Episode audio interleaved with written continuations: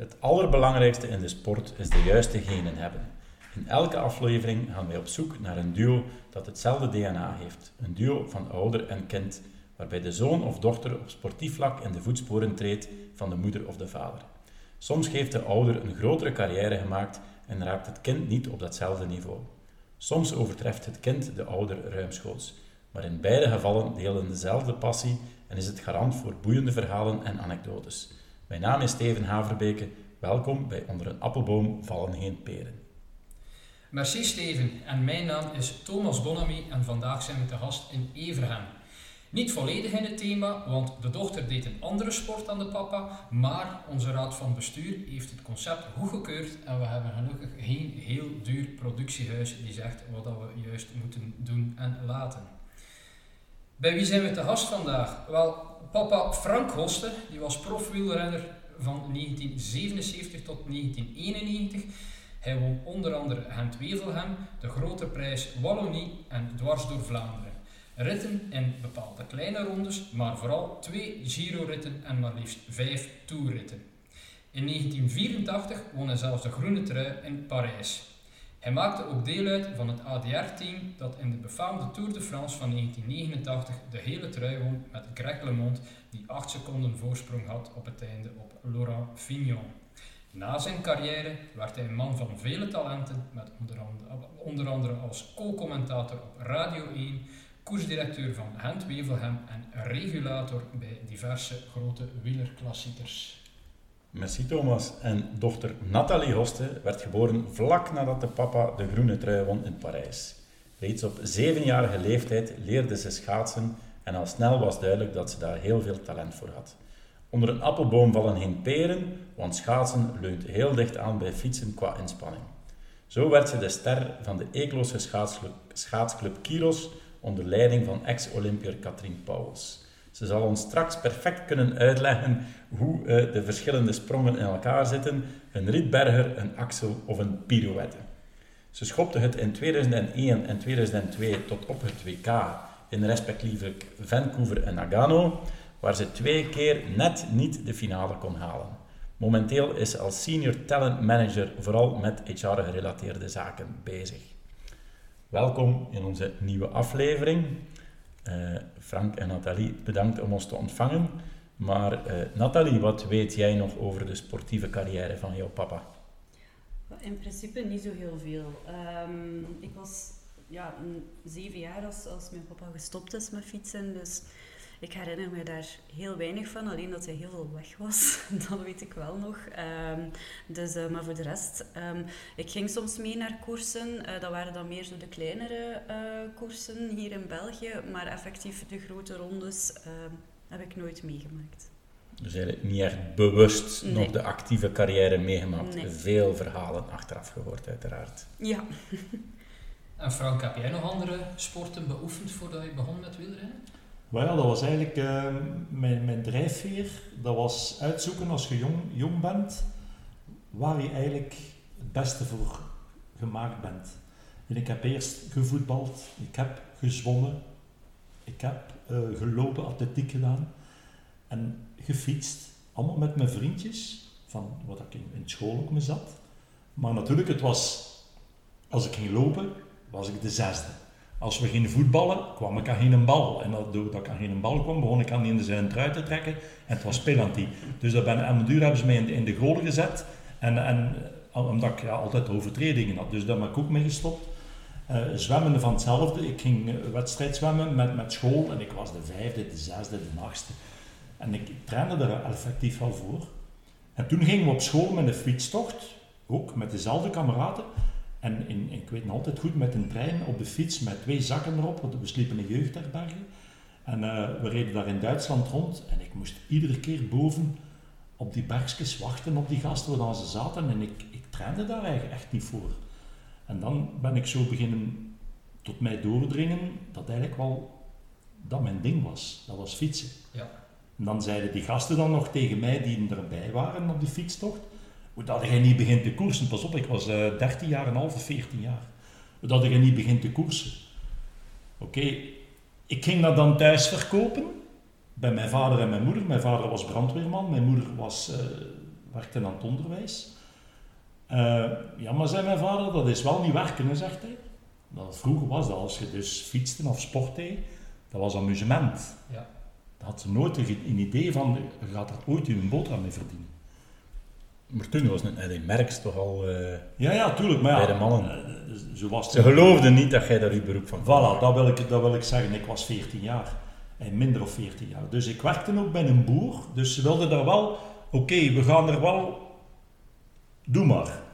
Maar ja, ze kwamen niet boven met een fiets kopen, een vergunning kopen, uitrusting kopen, niks. Dus wat deed ik? Ik werkte bij een boer in de weekends. En daar ging ik helpen bij, op een boerderij in Mariakerken. Dan ging ik ieder weekend, zaterdag, vrijdag, zaterdag, vrijdagavond, zaterdag en zondag helpen. Ja. In de vakantie ook. Ik kreeg iedere keer 50 Belgische frank van die man als ik een dag en meeholpen had. Een euro en een beetje, een euro en een kwart. Nou, dat is echt niet te geloven. Hè? En met dat geld heb ik mij toen, als ik 15 jaar was, mijn eerste koersfiets gekocht. Zelf. Geweldig verhaal. Nou. Om maar te zeggen hoe dat toen ging. En als je nu die jonge gasten naar de koers ziet toekomen, dat vader om in een mobiloom rijdt, met drie paar carbonwielen, een carbonkader en dan een reservefiets staat, staat moeder dan langs de kant, voor als het een keer moest platvallen, dat ze direct een fiets kunnen geven. Dan zeg ik, jongens, met wat zijn we er wel bezig? Oké, maar het moet niet meer gelijk in mijn tijd. Daar ben ik volledig mee akkoord. Maar ik wil maar zeggen, oké, hoe dat ik begonnen ben. Ja, ja, en inderdaad. eh, een, een wiel nu kost waarschijnlijk meer dan de fiets. Mijn fiets kostte toen 5000 Belgische frank. Dat is iets meer dan eh, Onder 25 euro. 125 euro. had ik een koersfiets. Ik moet wel zeggen, dat was basic. Ja. Met ijzeren trapstangen, met, met standaard, eh, allemaal zeer goedkoop materiaal. Want na drie koersen begon ik al te winnen, bij de nieuwelingen dan.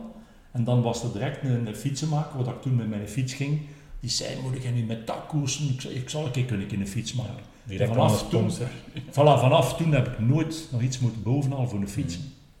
Vanaf dan eh, kwamen de fietsen op die manier binnen. Buiten mijn, mijn dochter die schaatste, nieuwe botten, nieuwe schaatsen. En, en een kleedje voor die kuur, een kleedje voor, dat, voor die kuur, want dat was andere muziek. Moesten dan, dat was het, iedere keer moeder en vader die sponsorden. Hè. Dat was totaal anders dan in mijn tijd. Ja. Ik, ik, ik won drie keren en direct, hup, krijgen. Maar eerst wel zelf gaan werken om... Wel, voor die De eerste te stap te zetten, betalen. ook mijn vergunning. Om te mogen, dat was toen 900 Belgische frank. Voor een vergunning bij de nieuweling om te mogen wedstrijd deelnemen, moest ik ook zelf kopen. Dus ik wil het maar zeggen, dus ik heb er wel alles voor gedaan, zelf, om te kunnen beginnen. En toen was het aan mij om te bewijzen dat ik het wel kon. Maar je begon wel vrij snel te winnen. Ja, vrij snel, ja. eh, gehoord dat hier in de streek een koers in Ronselen gewonnen hebt. Dat dat een van de eerste was. Nee, nee, nee, dat was bij de juniors met eh, Wilfried Vinken. Ja, ja. Met Wilfried Vinken, dat was onze vorige aflevering. Wilfried en dochter Mick. Ah ja, Mick is dok dokteres. Ja. En met Wilfried heb ik altijd, en ik was daar met hem weg. Mhm. En dat was ook mijn eerste wedstrijd dat ik won en dat ik naar de medische controle moest. Oeh. Nooit meegemaakt. Ik was nieuweling, niets.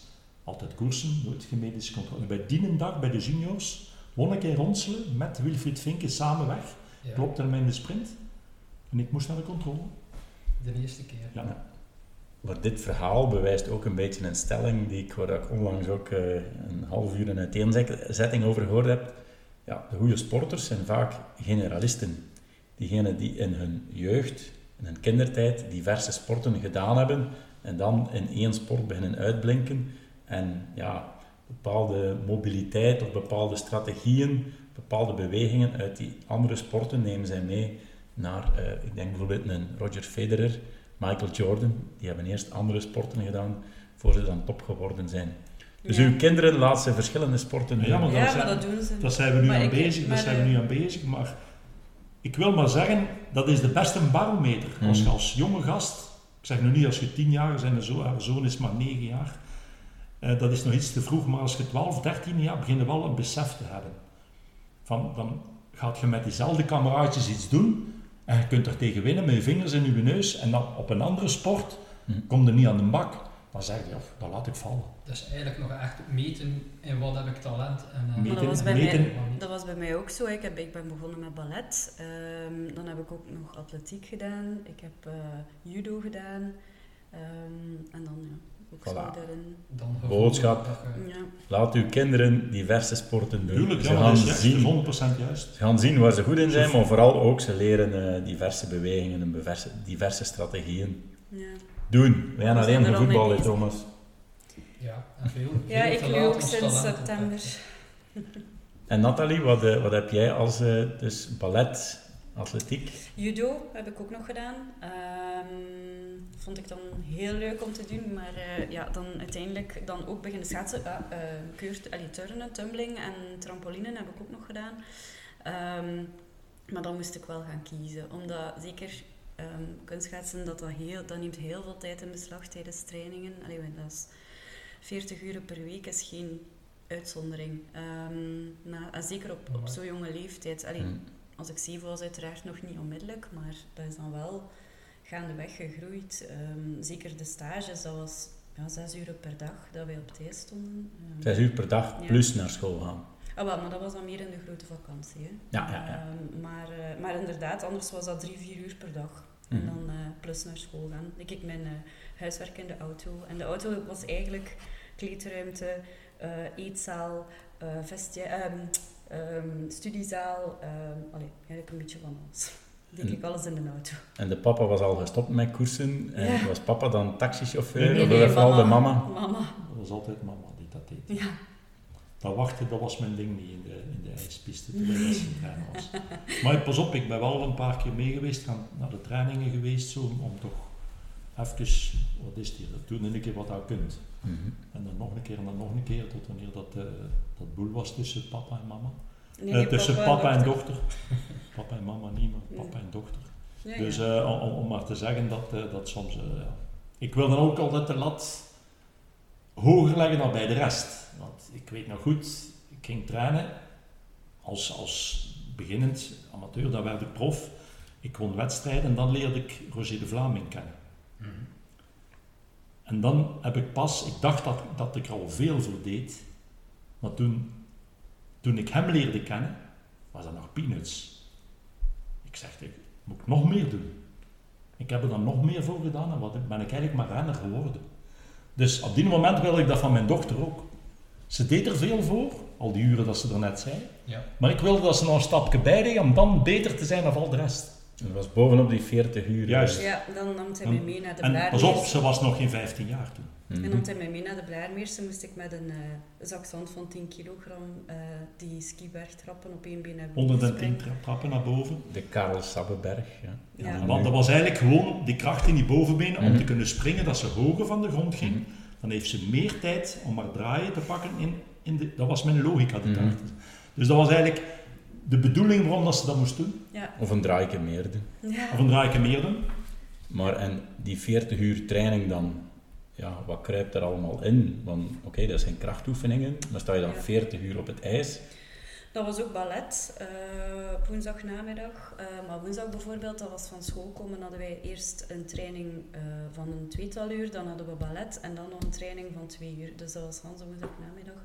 Ehm zaterdag twee keer. ehm, En zo een training van twee uur, dat sta je twee uur op het op ijs. ja. Maar dat is dan meer dan ja, rondjes doen, dat is echt... Ja, Die bewegingen dat blijven nieuwe, bijvoorbeeld een nieuwe sprong aanleren, eh waarbij dat je dan ja, eerst eh, honderdduizenden keren op je gat terechtkomt. eh en dat is vallen, rechtstaan, opnieuw, vallen, rechtstaan, opnieuw, vallen, rechtstaan, opnieuw. En ja, totdat je hem ene keer kunt. En dan moet je ergens je lichaam het gewoon maken om dat altijd op die manier te doen. Maar ja, De- dan kan een keer een klein schoudertje daar of daar en dan zijn we weer De vertrokken. muscle memory. Ja, inderdaad. Dus ehm, ja, nee, dus dat was vooral dat. En dan niet enkel, we moesten de, de choreografie in elkaar steken. Dan was dat dan Mhm. lenigheid, eh, dan was dan de, de spins, allee, de pirouetten oefenen. Ehm, dus ja, dat is- En Dat is mentaal ook wel een opgave, denk ik, omdat je telkens zaken moet leren die je, die je nog niet kent op, dat moment. Of die je lichaam op dat moment Ja, is. ja, er zijn uiteindelijk, er zijn maar een beperkt aantal sprongen waar dat je dan telkens in enkelvoud, in dubbel, in drievoudig, in viervoudig hebt. Maar dat is gewoon altijd diezelfde sprongen, maar gewoon één toertje erbij. Ja. Ehm, dus op zich, de techniek om eh, die sprong te doen, heb je wel mee, maar dan moet je wel zien van, oké, heb je kracht genoeg inderdaad om wat hoger te gaan, om dat extra draadje, draadje erbij te nemen? Is dat wat meer snelheid? Is dat wat minder? Allee, je moet dat een beetje... En dat is continu training, dat is honderdduizenden keren opnieuw. Ehm, En wij hebben nu niet direct ambitie en het talent om te beginnen kunstschaatsen, maar zo een Rietberger en een Axel, hoe, wat moeten we ons daar exact bij voorstellen? Ja, Axel is de, eigenlijk de, ja, dat is de eerste. Je leert dat. Dat is eigenlijk de sprong, de enige uitzondering op het, op het hele rijtje, omdat het de enige sprong is die ook van voor wordt afgesprongen. Dus je vertrekt van op, afhankelijk natuurlijk of je links- of rechtsvoetig bent, maar je vertrekt in normale omstandigheden van op je linkerbeen voorwaarts, je springt af en je landt achterwaarts. Dus je doet eigenlijk een halve, Ja. zo begin je. En dan Of anderhalf, en half, tweeënhalf, ja, ja, drieënhalf. dus, dus, ja, ja, inderdaad. Dus dan, eh, en nadien heb je ehm Salcho, Rietberger, die zijn allemaal van achterwaarts. Dan heb je bijvoorbeeld eh, een toe-loop. Dan maak je eerst een, een drietje, hoe noemen wij dat? Dus dat is eigenlijk een soort, ja, als je dat echt ziet op het ijs getekend, Mhm. is dat precies een Mhm. drie. Je pikt in het ijs en dan ga je omhoog en dan doe je één en draai en dan twee en drie. Dus het is maar één met een halve meer. En Ja. dat is eh, dan ook de moeilijkste. Dan ben je met een enkel en dan een dubbel en dan Ja. een triple. En dan een quad. Maar het is maar gewoon, moet je een keer voorstellen, dat je daar in de lucht hangt, dat je drie keer ronddraait, en dat het beneden komt en dat je moet weten waar dat je zijt. Want je staat op Ja. ijs. Je moet weten hier in je hoofd, als je zo rap ronddraait, en je landt, je moet direct weten waar ben ik hier. Hè. Je moet dat gewoon een keer proberen, een keer rap ronddraaien en stoppen.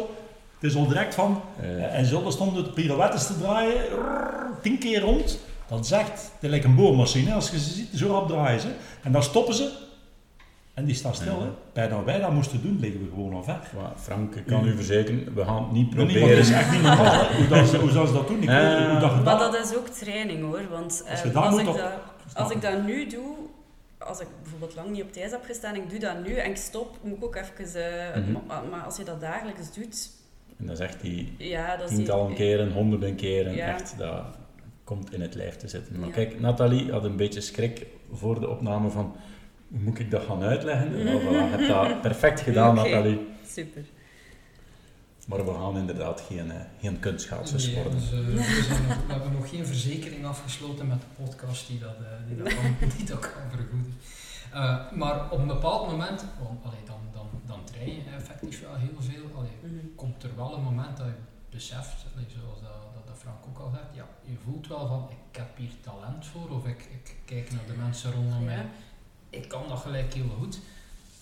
Het was eigenlijk vooral ehm Katrien, die, Katrien Pauwels, mijn coach, Ja. eh, altijd geweest, die, ehm, die dat eigenlijk een beetje gespot had. Ehm, want ik denk dat kunstschaatsen vooral in het begin een sport is waar dat je niet mocht nadenken. Je mag eigenlijk geen schrik hebben. En dat was toen nog in, want ik ben begonnen in Kristallijn, toen zij daar ook nog les gaf. Ehm, en ik zat in zo de beginnelingengroepjes en ik was de enige die altijd en overal van iedereen in de weg aan het lopen was. En ik was daar maar aan het vallen en ik stelde me recht en ik die voort, want de meesten vielen en begonnen te wenen. En ehm, ja, en ik was ik daar precies vrij snel mee weg. En dan is, zij, is eigenlijk Katrien naar mijn mama gestapt en heeft gezegd van kijk, ja, ik denk dat, dat daar gelijk wel wat in zit. Mag ik die eens privéles geven? Ehm, en zo is eigenlijk een bal een beetje naar het rollen gegaan. Oké, dus zij kwam effectief wel naar, eh, naar jullie toe om te zeggen van Ja, daar, eh, daar zit iets in. En ja, jullie hadden dan misschien ook wel door van ja, dat kan iets worden, of, eh, of hoe ga je daar dan als ouders mee om, als, ja, als die vraag gesteld wordt? Dat spotten natuurlijk, dat kon ik niet, maar ik, ik ging dan kijken naar wedstrijden. En ja, dan wint ze natuurlijk. Ja, dan is zij er vertrokken. Hè. Ja, als je daar dezelfde leeftijdscategorie allemaal bij elkaar zit in de wedstrijd doen en, en zij staat er s'avonds op het podium, dan zeg je ja, volgens mij heeft ze wel wat talent. Het is doet natuurlijk, het is gelijk dat ik begonnen ben bij de nieuwelingen. Zij was toen ook bij de, wat was dat, de Minimen. Minimen of zo. De slechte stoppen en de goede doen verder. Ja. De volgende categorie nog een keer. De volgende categorie nog een keer. Ik heb dat ook meegemaakt. Bij de nieuwelingen, daar rijden je met de beste coureurtjes uit de streken, Evergem, Eeklo, en, en dat is het waarschuwd. En of ben een goede coureur, want oh, ik kon ook alles winnen. Maar dan komt de ene keer, gaat over naar de juniors en al die anderen, die slechte bij de nieuwelingen, zijn allemaal gestopt. En dan goeie, dat komt dan met de beste van Oost-Vlaanderen en West-Vlaanderen. Ja. En dat heeft ze ook meegemaakt. Een keer bij de amateurs, kom dan met de beste van België en buiten de grenzen nog een keer. Ja. Dan is dat zo gemakkelijk niet voor 20 koersen te winnen. Dus wil ik maar zeggen, en zij heeft dat ook meegemaakt. Zij, bij, het begin was dat met de vingers in de neus en steeds ging dat, omdat die goede verder doen, kwam ze dan met eentje uit Luik, eh, Sarah Falotico of zo, en die klopte daar een paar keer. En ik zei, maar dat is goed, want anders spijst dat vanzelf gaan. Leren verliezen. Ah ja, tuurlijk, ja, het zal wel zijn. En, en ik heb dat ook allemaal meegemaakt. En dat vond ik wel goed, als ik af en toe eh, tegenwind had. En als een, als een papa dan zijn dochter ziet En dan, winnen dan en worden die ouder worden... En dan wilde daar- die trainingen daarin, dat ze echt nog iets meer doet, of die andere die beter, die na een Mhm. paar keer geklopt hebben. Mhm. Wilde ik dat dat stapje erbij. Mhm. Natuurlijk, dat lichaam moet dat aan kunnen. Hè. Ja. En die kop moet dat aan kunnen. En dat hoofd, kop is van, van een paard. Nee, maar, ehm, maar ja, allee, mijn papa was dan ook de enige die dan zei, ehm, als ik dan een wedstrijd won in die lagere categorieën, was dan ook de, iedereen, ah, proficiat en goed gedaan. Hè. En, dat was niet, en dat was niet goed, en dat was niet goed, en dat was niet goed. Dus ja, Ik was wel een een, muggenzifter. eh, een veeleisende papa, Ja, maar, ik, had toch... ook, ik had ook iemand gehad die mij trainde, met een onkel, helaas overleden eh anderhalf jaar geleden, die mij trainde bij de nieuwelingen, bij de juniors. Want bij mij thuis kreeg ik bloedworst met, met, eh, met, met rode kool voor de wedstrijd. En, en friet met, met, met eiers op. Ik moest dan twee uur dat ding gaan koersen. Ja, ik wist dat allemaal niet. Hè. En hij heeft mij toen... Hij was toen trainer van de, van de zwemmers. Want ik had toen bij hem nog, eerst nog eh, eh, zwemwedstrijden gedaan. Dus hij wist wel een beetje basis van intervallen, van uithouding en van, van duurtrainingen. Hij, wist die, die, die dingen, die begrippen al, wat dat inhield. En ook van voeding. Ja. En hij heeft mij dan beginnen begeleiden. En hij was ook zo altijd, als ik won, zei hij te vroeg, begin op kop springen. Of je zei veel, of waarom springde hij weg, kon die man toch kloppen? Dus u, allee, in plaats van mijn proficiat te wensen, ik heb dat precies overgepakt Mhm. van hem. Ja. En ik, ik zet dat over op haar. Altijd was er iets niet goed. En dan zei kun hij nooit een keer niet zeggen dat het goed is. Maar dat was altijd, ik wilde altijd die lat, tak, tak, een stapje hoger. En dat was met mij ook altijd zo. En dat is tenslotte wel, zo ben ik wel coureur hoor. Mhm.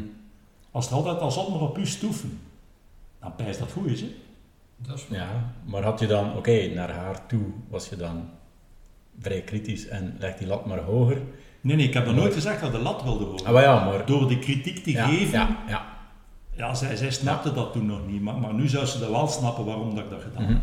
Maar Omdat ik dan- zelf eh, zoveel eisend was. En als ze dan uiteindelijk op een WK staat en eerst ja, zich daarvoor plaatst en zo verder, je dat dan misschien niet uiten, maar diep in van binnen. En als je dat dan vergelijkt met vroeger zelf een koers winnen, als je Ah dat dan vergelijkt, is dat dan dan... bloeide, dan bloeide open. Mhm. Dat weet ik ook. Ja, dat is, Het is altijd met, het is daarom dat je, eh, ik wil er nog beter, omdat ze nog, je ziet dat dat ze nog beter kan. Mhm. Maar het zijn een paar dingetjes die misten. Ik zag haar springen en ze ging maar zo hoog van Thijs. Mhm. Het moest dan een draai bij komen. Ja. Als je zo hoog van Thijs gaat, heb je meer tijd. Ja, Want dan vlieg Heb meer, je kunt meer, weet je wel? ja. Tuurlijk, je mag wel niet schuin gaan in, in, in de lucht als je aan het gaan bent, maar ik wil maar zeggen, dan zag ik wel dat ze die kracht, want meestal ook als ze landen, dat, dat, dat stabiel gevoel direct. En als je Nathalie dan meeneemt naar de skiberg om daar met gewichten extra te trainen, is dat dan ook in samenspraak met, met Katrien Paulus, Ja, de coach? Ja, ja. Ja. Pas op, dan, dan deed ik eerst die, die, die zware trainingen op die trap. En dan beneden op het droge, zonder schaatsen dan, moest je al sprongen doen van mij. Mhm. In het gas. Zonder die- schaatsen, dat je niet kunt uitglijden. Mhm. Deed je zelf nog mee ook? ja lopen wel. Hè. Dan lopen we wel, dan lopen we wel. Maar die sprongen, dat kon ik niet, ja, dat is techniek tot en met. Maar ik vind het wel fascinerend om uiteindelijk allee, generaties daarover te zien gaan. En als je zegt van ja, die, die filosofie van Roger de Vlaming die je, die je vertelt van ja, dat bijtrainen en dat een keer dat je op een bepaald niveau bent en dan beseft van oei, eigenlijk kan er nog heel veel bij, maar tot nu toe wist ik daar niet van. Dat dat eigenlijk doordringt tot... eh, Maar het enige wat je moet van opletten, en dat was ik, die grenzen was ik met, met mijn dochter aan het aftasten, hoe ver kan ik erin gaan? Mhm. ja, Want je kunt wel zeggen, Roger de Vlaming, Milan Sanremo, drie keer gewonnen, alleen allemaal niet te noemen. Hij traint enorm veel, maar als ik echt die trainingen van hem moest gedaan hebben, ging ik misschien nooit prijs gereden hebben. Ja. Je moet ook weten wat je lichaam aan Mm. kan.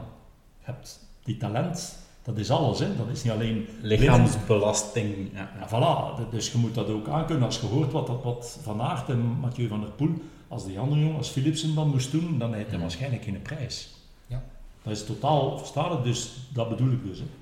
Dat is inderdaad een andere balans, maar die, eh, allee, die heeft er bij u ook wel voor gezorgd dat je, ja, dat je WK in Vancouver eh, Mhm. gehaald hebt en in, en in Nagano, 2001, 2002. Hoe, eh, hoe was die weg daar naartoe? Goh, ja, lang. ja, nee, maar goh, ik denk dat vooral... ehm je bedoelt dan de, de weg juist voor, Van voor de wedstrijd? Hoe heb je jou daarvoor kunnen kwalificeren? Ah ja, als je Belgisch kampioen werd, hè, Ah ja, dus, was, eh, ja. ja. dan, eh, dan mocht je gaan. Hè. Ja. Dus, ehm, ja, dat is elk jaar opnieuw. En dan, dat is bij de senioren dan, ehm allee, de hoogste categorie. En als je dan bent, dan mag je gaan. eh, En België sowieso. heeft daar bij wijze van spreken een vaste plek in. eh, Ja. ja. Ja, inderdaad. Dus, Eén eh, vaste plek. één. Ah, wel, nu meer. Omdat ehm, als Ja. je dan een schaatser hebt binnen de top 10, mag dan het volgende jaar mogen Ja. er dan twee gaan. Ja. Als het een podiumplaats is, mogen er drie gaan, denk ik zelfs. Dus ehm, met Luna zijn ze daar natuurlijk wel al verwend nu. Ja, dat is een, een toptalent. En als je daar zelf nu op terugkijkt, op die periode, denk je dan van, "Hmm, ik heb er alles voor gedaan en ik heb bereikt wat ik kon bereiken en ik ben er altijd heel fier op? Of zeg je van, "Hmm, daar en daar had dat anders kunnen lopen, had ik misschien nog verder kunnen komen? Goh, nee, ik denk, ja, sowieso kan je altijd wel verder. Hè. Mhm. Ehm, maar ik denk voor, ik ben daar fier op op wat ik gedaan heb, maar Mhm. ik denk dat het ook wel ergens mijn limiet was. Ik ben geen Luna Hendricks geweest, zeker niet. Ehm, die is wel nog een paar niveautjes meer eh, dan ik was. Ehm, Je moet dat natuurlijk ook een beetje naar de tijdsgeest zien, maar... ehm, maar ehm, ja, ik denk dat ik wel het meeste heb eruit Mhm. gehaald wat ik er kon uithalen. Ja. Dus we zien nu in België, en allee, ik geloof niet direct in toeval, maar we zien een Bart Swings, we zien Luna Hendricks, we zien broer en zus de Smet in de wintersporten. Komt België toch veel meer naar voren Mhm. dan in het verleden. Dus kan ik me voorstellen dat er qua begeleiding Ja.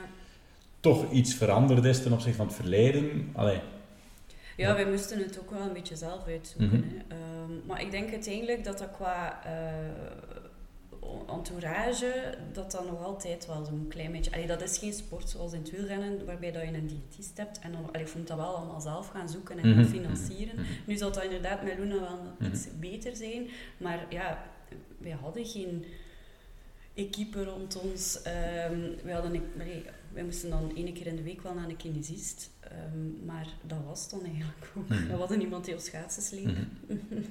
Die maar zegt ja, puur qua talent staat Luna Hendricks verder dan jou, zeg je? Ja, ja, zeker. Dat gaat niet, dan niet puur over de begeleiding en zo, dat is echt Nee, qua dat is echt intrinsiek eh, dat zij... eh, Ja, ja. Maar je volgt het dus nog, hè, Absoluut. Ja, ja. Dat is iets dat blijft eh, een passie en Mhm. dat gaat niet weggaan, denk Mhm. ik. eh. Mm, ja, dat is, als dat op tv is, ga ik het ook Mhm. altijd mooi laten staan en Mhm. meekijken. En volgt de papa nog het kunstschaatsen nu eh, Nee. de dochter al lang gestopt is? Ja. Het Luna Hendricks kijk ik wel als een kuur uit, maar ik zit niet al die andere deelnemers Hmm, hmm. bekijken dat mijn dochter wel doet.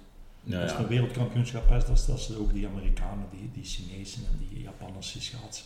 En Beetje, dan Luna Hendricks ook die schaatsen, dus dat kan, dat ze zelf ook kan oordelen, ja, dat was, dat was wel beter. Papa Frank volgt het als ons, als Belgisch supporter. Ja. En eh, de dochter volgt het als Ja, ik, fan volg van het kunstschaatsen. ik volg ook het wielrennen nog redelijk tot in detail. Ja, ja, voilà. Ja, omdat, ondanks dat ik al zo lang uit ben, dat is hetzelfde met mijn dochter in het schaatsen. Ja. Dus zij Ja. volgt, zij volgt ook alles nog op. hè. Dat brengt ons naadloos een beetje eh, ja, van jouw hoogtepunt, Nathalie, bij, bij dat van jou met wielrennen, Frank. Dan gaan we naar eh, naar de Tour van 1984, eh, waar je de groene trui won. Thomas had nog een pamper aangelegd. eh, ik, wa- ik was één jaar op dat moment. Ja, dus. Dat, dat, dat denk ik wel. Ehm, was dat jouw ambitie om daar de groene trui te winnen van bij de start, of hoe is dat eigenlijk gegroeid? Dat is eigenlijk heel raar gegroeid, want eh, voor de Tour kwamen in de kranten de voorbeschouwingen, zoals je nu altijd, nog altijd ziet, klassementrijders, klimmers en sprinters. En bij de sprinters stond ik niet bij, stonden er 15 in, Ik was er niet bij. Oh, dat is al een hele mooie motivatie. Dus dat was al een vrije motivatie. ik zei, wat blief? Wil ik maar zeggen, dus dat was de generatieplank van der Aarde. Ja. Dus eh, dat was eigenlijk, en dan ja, Belgisch kampioenschap. Een een dag of vier voordat de Tour begon. Eh, van der Aarde wordt Belgisch kampioen, Plankaart tweede en ik was derde op 15 meter achterstand in de massasprint. Maar 15 meter was ik achter, hè. Dat is drie fietsen, hè. meer. Ja. Dus met hem al volledig in, in de grond, maar ik wist wel, het was achter een bocht. Dus ze hadden er wat kwakken gegeven voor de bocht, dat eigenlijk wat ding gesloten zat. Dus ik moest nog heel veel goed maken in de sprint. Maar toch, als je, als je de foto dan ziet in de krant en je ziet mij daar sprinten op de achtergrond en die twee komen er alle twee zo over de streep.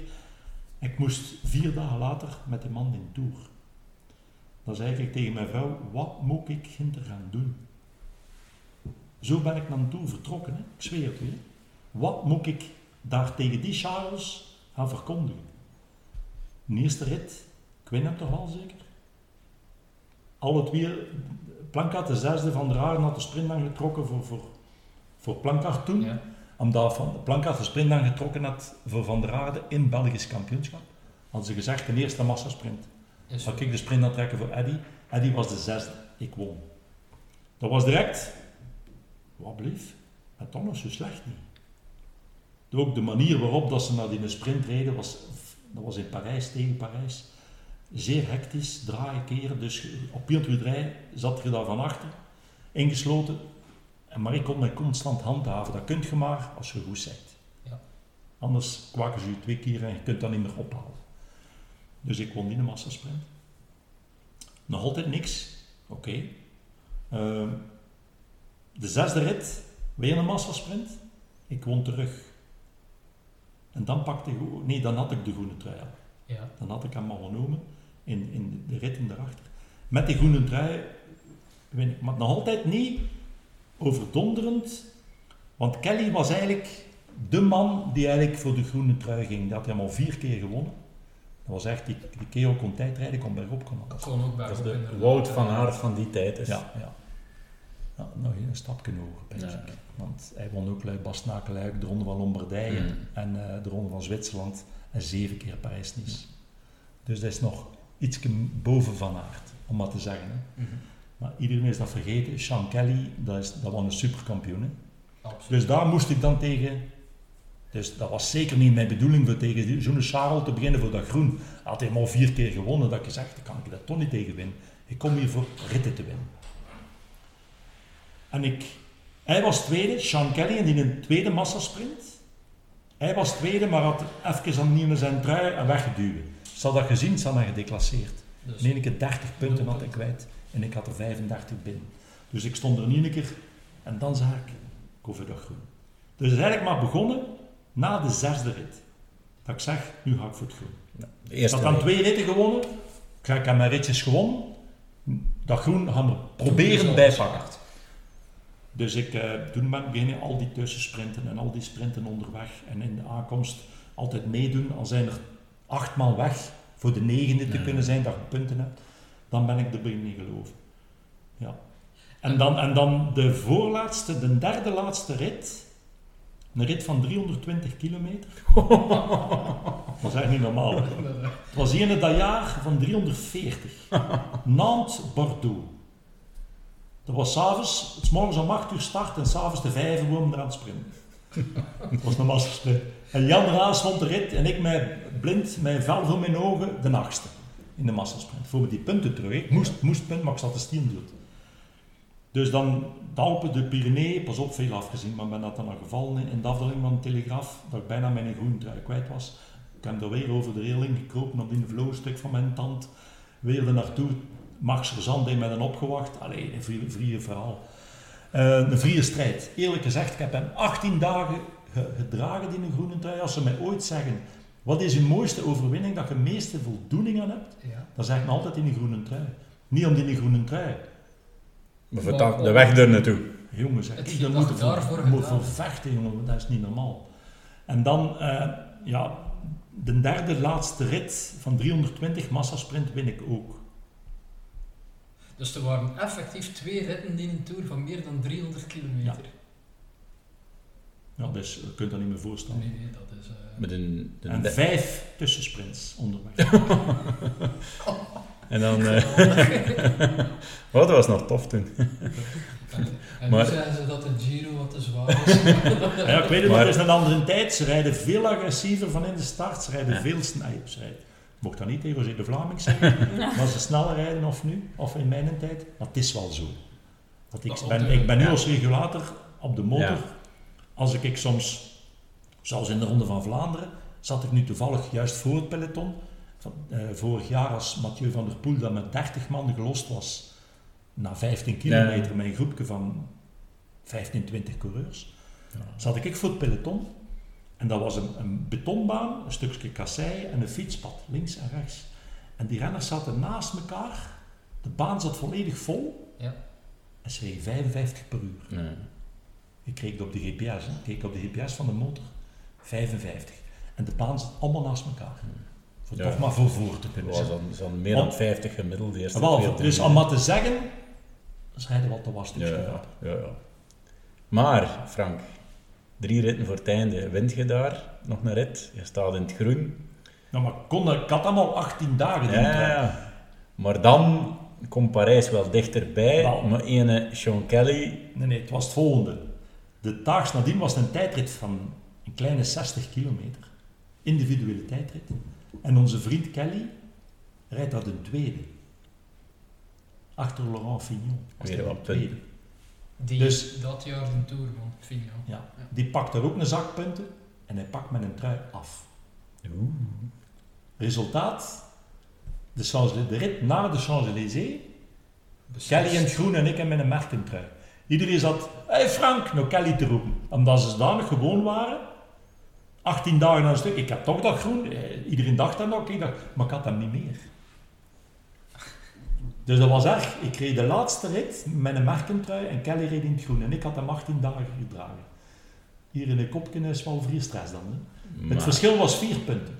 maar Sean Kelly dacht eh, een En zaakje Sean Kelly had geen ene rit gewonnen. Was wel telkens van voor. Tweede, derde, vierde, vijfde. Daardoor had hij ook veel punten natuurlijk. Die kwam naar mij. Zegt hij, hij heeft drie ritten gewonnen, zegt hij. Zegt hij, ik heb nog niks gewonnen met onze ploeg. De ploeg rekent erop dat ik die groene trui meepak naar huis. Ik geef je een ponkgeld en je blijft in mijn wiel zitten in de sprint. De massasprint op de Champs, Ja, dus je blijft gewoon... als je twee plekken voor hem zet, dan, eh, Ah, nee, nee, is dan hij- ligt hij erop. ja. Dus ik moest achter hem zijn. Ik zeg, het is goed. En mevrouw Hoste Maar echt. is hoogzwanger van Nathalie. Ja. ja. Jonge toekomstige vader. Dus, Verleidelijk aanbod. ja, maar inderdaad. Dus ik, het ging van alles door mijn kop. hè. Ik had al een contract getekend voor het jaar erop. Want iedereen dacht, die gaat door die de groene trui meepakken. Ik had al mijn contracten al getekend voor de criteriums na Ja. de Tour. 45 criteriums. Vijf criteriums. Dus, feitelijk, wel, die groene trui, dat doet er niets mee toe. Hè. Oh, het is goed. Ik zeg, het is goed, het is in orde. D'accordo. Dan, Dan komt Fons de Wolf bij mij. Die was bij ons in de ploeg. Fons de Wolf reed ook bij, bij ons in de ploeg. Ja. Ik vertel hem dat, ik ben eerlijk, want ik was niet van plan om dat geld in mijn zak te steken, want die jongens hadden wel ja, voor mij gereden. drie weken voor u gekoerst. Ja, oké. Zegt hij, of ik is gek, hij nou de groente uit. dat was allemaal op dat rondje op de Champs-Élysées aan het 50 per uur, dat, op die mozaïekjes daar. Hè. Eh, Ik zei, of gek, ja, ik zei, fijn, was u erbij? Niks gezegd, niet geantwoord. En duur mijn, mijn mootjes in mijn kop begonnen te draaien. En de laatste ronde, fuck af. That's the spirit. Dus daarom zeg ik nog een keer, als topsporter, als je ziet dat je kunt winnen, wat dat ook is in sportdiscipline, laat het dan niet liggen. Anders zijn je geen topsporter. maar je weet ook nooit of Al, dat- al beloven ze een berggeld, dan laat dat nooit liggen. En Frank. En ik heb hem geklopt, het was twee plaatsen voor hem. Kelly heeft twee jaar niet meer gesproken tegen mij. Geen goede dag of niet, dat was binnenkomen op, op een andere wedstrijd, elkaar tak, tak, zo passeren, het peloton. Jij gitter, ik, hier. Dus echt, dat bleef dan. Hè. Bij Ja. hem, dat was... En had je toegezegd aan Sean Ja, ik had natuurlijk ik had gezegd, het is goed. en zonder, hij kwam de laatste ronde nog een keer bij mij. It's okay, hè? Ja, ik zei... Iets, een beetje mompelen. Echt waar, dat heb ik gedaan. Maar dat bedrag die je toen kon krijgen, van ons moet je geen bedrag noemen. Ik kon een huis mee Als- kopen, hè. Als je dat, een huis toen, de mensen kunt gemakkelijk Ah uitrekenen. ja, voilà. Maar als je dat vergelijkt met wat dat er door die groene trui is allemaal gekomen, Dat weet dat die moment Ja. besefte dat niet, Mhm. wat dat gaan doen bent. Achteraf heb ik er echt wel, als ik nu zie, altijd, jullie vallen erop terug, andere journalisten vallen erop terug, als ik op de radio babbel, op televisie, altijd over die groene trui van 84. Maar kijk, heeft nog veel andere wedstrijden gewonnen, hè. Maar daar klappen ze niet over, hè. Die groene, die groene trui, ja, dat, is, dat blijft bij iedereen hangen. En ook de manier waarop dat ik hem gewonnen heb. Dat is 18 dagen tegen heel de wereld heb ik moeten koersen hè, voor die punten. Hmm. Dat Philipsen nu dit jaar moeten doen. Hè. Altijd sprinten en doen. En dat moest ik ook doen. Hè, ja. dus, en, en dan zijn hem kwijt. En dan pakt hem terug. Wow, wijs! Dat was de enige trui die nog niet zeker was. Nu kwamen ze op de Champs-Élysées. En, en Philipsen was al 200 punten voor op, op een tweede. Dus hij moest eigenlijk niet meer sprinten. Maar bij mij was dat niet het geval. Dus ook klassement was, was geregeld. Dan de bergtrui was, wat waren geen bergen meer de laatste strijd. Juist die groene trui was nog niet zeker in 84. Dus dat was spanning in België voor, voor ja. En dan wint hem, ja, dan, zeiden de, dan, dan vergeet ze nu niet meer. Hè. Nog een chance dat je Fons de Wolf had op dat moment. Ja, ja, ja, Eh, maar echt waar, dat, dat zweer ik bij. Ja, als hij niet bij mij komt om dat te zeggen, ging ik het laten gaan hebben. hè. Dank u, Fons de Wolf. Ja, inderdaad, inderdaad. En, en Nathalie, ik hoor eh, de papa hier vol passie spreken over het jaar 84. Jij zat toen nog volop in de buik. De maand nadien, hè. Ja. Eh, hoe vaak heb je dat verhaal ondertussen al gehoord? Eh, ja. Ik kan dat niet meer tellen. Toch al eh, ja, redelijk vaak. Je zou het zelf ook... eh, Ik kan het al zelf navertellen, laat het mij zo staan. ja, Misschien nog even inpikken op, de, op, een, op een ander tourverhaal. eh, dat er misschien ook mee, allee, ook, ook, ja, kort aan linkt is, maar dan een andere kleur van trui. Had daar ook nog wel ergens een Amerikaanse ploegmaat. Greg LeMond, ja. Ja, die we deze week proberen bellen hebben, maar eh, hij, gaf, hij gaf helaas niet thuis. Dus eh, alles wat we hebben van informatie komt niet van hem. Maar hoe was dat juist? Want dan krijg je inderdaad, allee, eh, laten we zeggen, wielrennen was een beetje een Europese sport op, op dat moment. En dan krijg je daar inderdaad een, een jonge Amerikaan over de vloer die, ja, die eigenlijk wel het, het, het klassements wielrennen begint, eh, begint te veroveren. En maar vooral ook in een ploeg die ja, toch in financiële problemen zat. En daar heb ik maar één uitleg voor. Dat is de sportbestuurder, José de Caroor. Die van in februari hadden we geen maandgeld meer. Mhm. En die man heeft de Dus ploeg gesmeed. Voor de start van het seizoen eigenlijk. Ja, februari Ja. begon het al te slabbakken. Maar ze gingen het betalen en dat komt achter. En dan om een duur, een keer in mei, juni, begonnen wij te zeggen: hey, hier is mijn Flores zelf. Hè. Ja, we waren prof. Maar dan, dan waren de klassiekers al gepasseerd. Ja, ja, de klassiekers waren toen voorbij. Maar de klassiekers allemaal zonder, zonder geld. hè. Parijs-Roubaix gewonnen. Ja, de- nee, dat jaar erop hebben we Parijs-Roubaix gewonnen, 88. Ja, ja 88, Parijs-Roubaix gewonnen. ehm, Ronde van Vlaanderen met, met Plankaart. Parijs-Roubaix met Dirk de Mol. Ja. En dan 89 was het jaar met Le Monde. Dus toen, toen hadden we nog geen klassiekers gewonnen, denk ik, in het voorjaar. En toen eh, ja, bleven wij maar trainen en voorbereidingswedstrijden. Uh, Midi Libre, Dauphiné, eh, ja, onder die koersen die je eigenlijk nodig hebt om naar een Tour te gaan. Maar zonder wedstrijden kunnen daar niet gaan starten. Dus, eh, en dan winnen die een Tour. Met die, met die van Amerika. Dan zeg je, weet wel, de Kouwer is daar wel de grondlegger van. Hè? Want de tactiek die hij daar toegepast heeft om Fignon te flikken, zonder dat er aan geweest is, zonder een afspraak te maken, gewoon door trucken te doen in de koers. Eerst met dat, met dat triathlonstuur. Ja. Ja, dan moet ik daar aan die commissaris gaan vragen hoe dat we daar mo- mogen mee rijden. Oei, oei, oei. Wacht, echt, ik weet, moet ik kijken waar die mannen liggen voor het slaan. Op een rijdende hotel met dat stuur bij hem. Zet hem in een bar, eh, die man in de gaten aan het houden. Begon er al eh, van te drinken en met een elleboog van tafel te schieten en zo. Die kerel ging naar boven gaan slapen. Een half uur gewacht, dat hij zijn pisma, zeker zijn pisma zat. tuk tuk op zijn deur. Met als toen anders deed dat de deur open, het half verwaaid. Die, dat was de hoofdcommissaris, de voorzitter van de wedstrijd, dat hebben we nu nog altijd. En hij zei, kijk, ik zou dat willen monteren, maar ja, mogen wij ermee rijden, want... Oh, dat is goed. Kou weg, die weer, tak, boem. De rest is... eh, Is geschiedenis. Ja. En, en dan de rit naar Alpe d'Huez was Le Monde gelost op de Telegraaf Ja. van de hoofdmacht. Er waren mijn mannen 15 weg, met al het beste erbij. Le Monde eraf, met zijn gele trui. En het waren mannen die in de derde, en de zesde en de zevende stonden in klassement en ook gelost waren. Maar wij waren er allemaal af, dus Le Monde zat daar alleen. Die begon daar alleen in die vallei naar Alpe d'Huez op kop te rijden, van dat peloton, om terug te komen. Kouwer komt ernaast met zijn notte, stop met rijden, zegt. Stop met rijden, ik heb er geen trui, is rijden. Nu stoppen met rijden. Ja. Le Monde, die andere, oeh, ja, had die een trui. Het zal hem niet meer kunnen schelen, had die trui laten gaan. Die mannen beginnen op kop te rijden voor op de zevende en op de achtste en op de negende plek in het klassement te kunnen houden. Dus Die mannen rijden er weer naartoe. Dan komen ze aan de voet van Alpe d'Huez, maar Le Monde was eigenlijk niet 100% die dag. Ze beginnen aan Alpe d'Huez, maar Le Monde was uitgerust, want aan tijdens in het wiel kunnen zitten. Dus hij komt erbij en direct Fignon, wam. Begin van Alpe d'Huez, Le Monde in het wiel, sterven, duurt, keer sterven, weer lossen, weer erbij. En Guimard, de sportbestuurder van Fignon, zat tweede in auto. Dus José zat eerste in auto, omdat hij de gele trui had. Guimard, tweede klassement, tweede in auto, in de, in de ranking van de volgwagens. Hè. Die zag dat. Maar het waren geen oortjes nog, hè. Klaksoneren. Oh, Die een klakson. Nou, kijk, wat, wat is het? Ja, nog een keer. Le mond. Maar rekken, rekken, eraf, er niet af. Dus Guimard wilde bij Fignon komen om te zeggen, blijf, hij is aan het lossen. Maar op die kool. En, en José met zijn notto begon zo te rijden, dus de zigzag. dat een ander niet kon passeren. Dat er niet, dat er niet bij kon. Hij Dus om er maar te zeggen hoe, hoe link dat José de Kouwer was. Maar wel met resultaat. Ah ja, voilà. Dat heilig de middelen, Steven.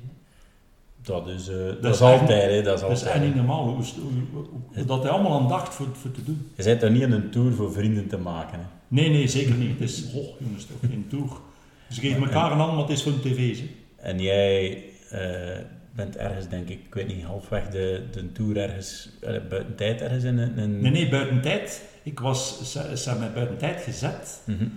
Ehm, dat was, we waren met, de- met een groep begonnen aan de Luzardiden, de laatste kolkberg op. Ja. En daar stonden ze met drinken. Ja, drinken en drinken en drinken. En, en, en hup, hup, een duw. Belgen die daar staan, hup, ze willen een duw. Maar iedereen werd daar geduwd. Ik niet alleen, iedereen. Van de supporters, de even een duw, of een blikje cola af die afstand. Ik zie s'avonds de communiqué. Het was dan een commissaris die mij daar eh, in de 30 inbreuken op reglement 27 bis van de UCI uh, pousset per spectateur. En wat behelst dat reglement? Iedere dag geduwd wordt. Want ze denken door een toeschouwer dat, dat dat een ingerichte dienst is, dat je daar gesteld hebt. Mensen die niet Ja. duwen. Mhm. Dat mag niet. Maar dat was niet zo. Dus, maar iedereen werd daar geduwd. Hè? Ook Armand Frison, ook eh, eh, Jean-Paul van Poppel. eh, iedereen werd daar gewoon naar boven geduwd. Hè? Janne Nijdam. En mij hadden ze daar zodanig veel straftijd gegeven. Dus het reglement trekken ze punten af voor het puntenklassement. Ze, trekken nu, ehm, ze geven nu, ik weet niet, dat was een boete. En punten voor eh, de straftijd in seconden. Een tijdstraf ook nog. Een tijdstraf. Maal 30 voor u dan. Voilà, 20 seconden maal 30 was 3 minuten 20. Ah, je bent bij een tijd. Ja, en En zo zijn ze mij naar huis gestuurd. Maar de, die, men, die gasten wilden gewoon, die, de Fransen, ik wil eerlijk zeggen, chauvinisten.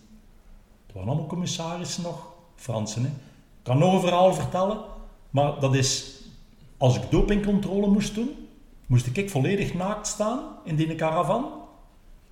Ja, juist mijn kous en mijn koerschoenen aan. Hè. En dan moest ik in de potje plassen, met die dokter die naast mij staat. Bernard Hinault kwam binnen, hij pakt dat potje vast met al zijn kleren aan en die gaat gewoon in, in, in de wc binnen, met, doet de deur toe en kan weer buiten. Ik zei, wat is dat hier allemaal? Dus om maar te zeggen hoe dat de mentaliteit toen was, Alles voor Fignon. Fignon Fransmannen en ze wilden die in de groep van ons onze Belgische ploeg zodanig liquideren dat Le Monde geïsoleerd zat, dat ze hem zijn trui konden afpakken. En hoe kijk je dan uh, naar de rest van de Tour thuis op tv? Of ga je dan nee, ook Parijs? Ben direct, ik was zodanig ontgoocheld dat ik niks met een Tour wilde te maken Mhm. hebben. En ben ik op vakantie vertrokken. Ja, niet, niet meer gevolgd. Nee, nee, ik heb niet meer, echt niet meer gevolgd. Mhm. Ik heb wel gehoord dat Le Monde gewonnen heeft achteraf. Ze zijn in Parijs gekomen met, eh, met vijf coureurs. De rest was allemaal naar huis. De Door top. omstandigheden allemaal. Dus om maar te zeggen dat dat Mhm. echt wel een smerige mentaliteit was van die Fransen. Mhm. Dat, dat ze dat in hun eigen land wilden houden, die winnaar van de Tour. Dat aan de Fransen, Marino, Laurent Fignon. Maar daar gebruikten ze alle middelen voor. Maar dan heeft de Lepe, de Kouwer... Maar de koude was zo'n eh, linkertje die... dat ik achteraf maar hoort, hè, maar dat ik zag met zijn motto. eh, het zal waar zijn, wat ken die verhalen ook al horen. Ah ja, het zal wel zijn. En dan maar op eh, vakantie met de dochter die ondertussen bijna vijf was. Maar daar herinnert je niet veel meer van misschien. Nee. Nee, 89, 84. nee. Ja, maar eh, ja, Nathalie, even terug naar jouw eh, WK of WK's. Twee keer net niet de finale Mhm. gehaald. Was dat een ontgoocheling of was dat op zich tevredenheid van goed dat ik hier geweest ben? Ja, de eerste keer vooral de tevredenheid, denk ik. Ehm, omdat ik ook wist, op dat moment was mijn... ik weet dat er maar een jaar tussen zit, maar het waren bepaalde zaken nog niet in orde qua niveau. Ehm, dus daar kon ik wel mee leven. Maar de tweede keer piekte het wel wat meer, omdat het echt ehm, heel nipt was. Mhm. Ehm, tot, ehm, ja, door een idioot foutje, eh, natuurlijk in de... In, want onze wedstrijd bestaat altijd uit eh, twee dagen. Eigenlijk op een WK eerst nog een selectiedag. Want Mhm. je hebt er dan 50 die meedoen. Selectiedag waarbij dat er dan ehm 30 overblijven. En op die de selectiedag, wat moet er dan gebeuren? dat Zijn dat vaste kuur. oefeningen? Ja, dat is een lange kuur. Dan doen we de korte kuur en dan doen we weer een lange kuur. En de lange kuur is De- redelijk vrij en de Ja, korte kuur De is korte echt kuur zijn verplichte Ja. elementen, ja. Dus eh, de lange kuur was goed, dus ik was door naar de korte kuur. En daar ehm, ja, maakte ik, want je hebt daar maar drie sprongen, dus je hebt maar drie kansen. Ehm, en daar een klein foutje gemaakt. Ik had geen val, maar ja, wel een foutje. En dan niet, net niet naar die laatste finale. Dus, eh, En Olympische Spelen, heeft dat ooit Nee. in de picture geweest? Ik weet de jaartallen niet meer exact van buiten. nee, dat Olympische was, ook, eh, dat was 2002 ook zeker. hè? Ja. De Olympische Spelen. Ja. Ehm, nee, want ehm, eigenlijk nog niet zo super lang nadien ben ik eigenlijk ook wel eh, Mhm. ben ik gestopt. Mhm. Ja. En Kevin van der Perren, dat was Ja, generatiegenoot. mee, eh, ja. Dus hij heeft het dan wel, Ja, wel ja, nog tot de Olympische Spelen en zeker. nog tot, ja, ik denk zelfs de wereldtop. Ja, ja, zeker. geraakt. Hij heeft nog eh, brons gehad op het Mhm. Europees kampioenschap ook. En je zegt, je bent dan vrij snel gestopt. Dan was je misschien zelfs nog maar, ik weet niet. Nee, ik ben gestopt op mijn, ja, op mijn 20 ongeveer ben ik gestopt, 2021. Eh ja, begonnen ook met hogere studies. Ik heb dan ook een blessure gehad aan mijn voet. Ehm, allee, Ja. ja, m- mijn, ik denk dat mijn leven een beetje op was ook. Eh, mentaal zag ik het ook niet meer zitten om mij helemaal nog te motiveren voor die trainingen elke dag te Mhm. doen. Ehm, Maar 20 Dus- jaar lijkt bijvoorbeeld in het wielrennen kei jong, maar Ja, wellicht in kunstschaatsen. Ja, nu, nu vind ik dat gelijk wel wat aan het gebeteren is. Eh, ze hebben daar ook, ook heel hard gehamerd op die minimumleeftijden. Ehm, Mhm. Want vroeger was dat soms heel jong. Eh, nu is het echt wel minimum eh 15 of 16 geloof ik dat ze moeten zijn om, Mhm. om echt naar de seniorenwedstrijden te- Mhm. te mogen meedoen. Ehm, maar ja, u- van al die jaren trainen, uw lichaam is gewoon op, hè, omdat dat een hele jonge sport is. Bij turnen net hetzelfde. Als je nu kijkt naar Nina Derwaal, ja, die is ook nog jong. Hè, en die heeft ook die ene blessure nu na de Mhm. ander. Ehm, haar lichaam begint ook te sputteren. Dus dat is, ja, dat is gewoon daarom. Omdat dat op heel jonge leeftijd dat je enorm zwaar je Mhm. lichaam belast. In uw groei nog eens. Eh, Mhm. Dus ja, dan... ehm, En de papa had er ook vrede mee dat eh, de 20-jarige leeftijd. Wel, ja, op, op een zeker moment moet je kunnen, loslaten. moet je kunnen loslaten als je ziet dat je niet hoger mee kunt. Een keer dat je twintig bent, weet ook voor jezelf, ja, dat kan ik niet meer. Mhm. Mm, Want aan die daar springen, dat kan ik niet. Mhm. mm. Ik kan het nu niet meer leren. Dat moet ook kunnen van als je 15, 16 bent. En dan kun je dat nog in perfectioneren, dat het meer lukt. Maar je kunt het. Mhm. Maar als je het dan moet beginnen kunnen op 20-jarige leeftijd, ga je nooit meer kunnen. Nee. En dan ga je gaan studeren. Eh, heb je daarna nog veel geschaatst? Eh, ja, ik heb daarna eigenlijk ook nog ehm, een soort van tweede carrière gedaan. Ehm, ik ben nog uh, synchro schaatsen gaan doen. Dat is zo in ehm, een groep van twintig meisjes en Mhm. jongens. eh, waarbij dat ze zo ja, echt synchroon schaatsen doen, zoals dat je dat ook hebt in zwemmen. Ehm, en daar hebben we ook nog, eh, dat was dan in 2012, eh, daar hebben we ook nog een wereldkampioenschap meegedaan in Zweden. Dat was dan even een tweede carrière. Dat was niet tot onze informatielijst Ja. gekomen. Ja, ja, ja. Dat was ook heel fijn om te doen, want daar zijn natuurlijk ja, geen sprongen in. Dus Mhm. ehm, dat is net iets...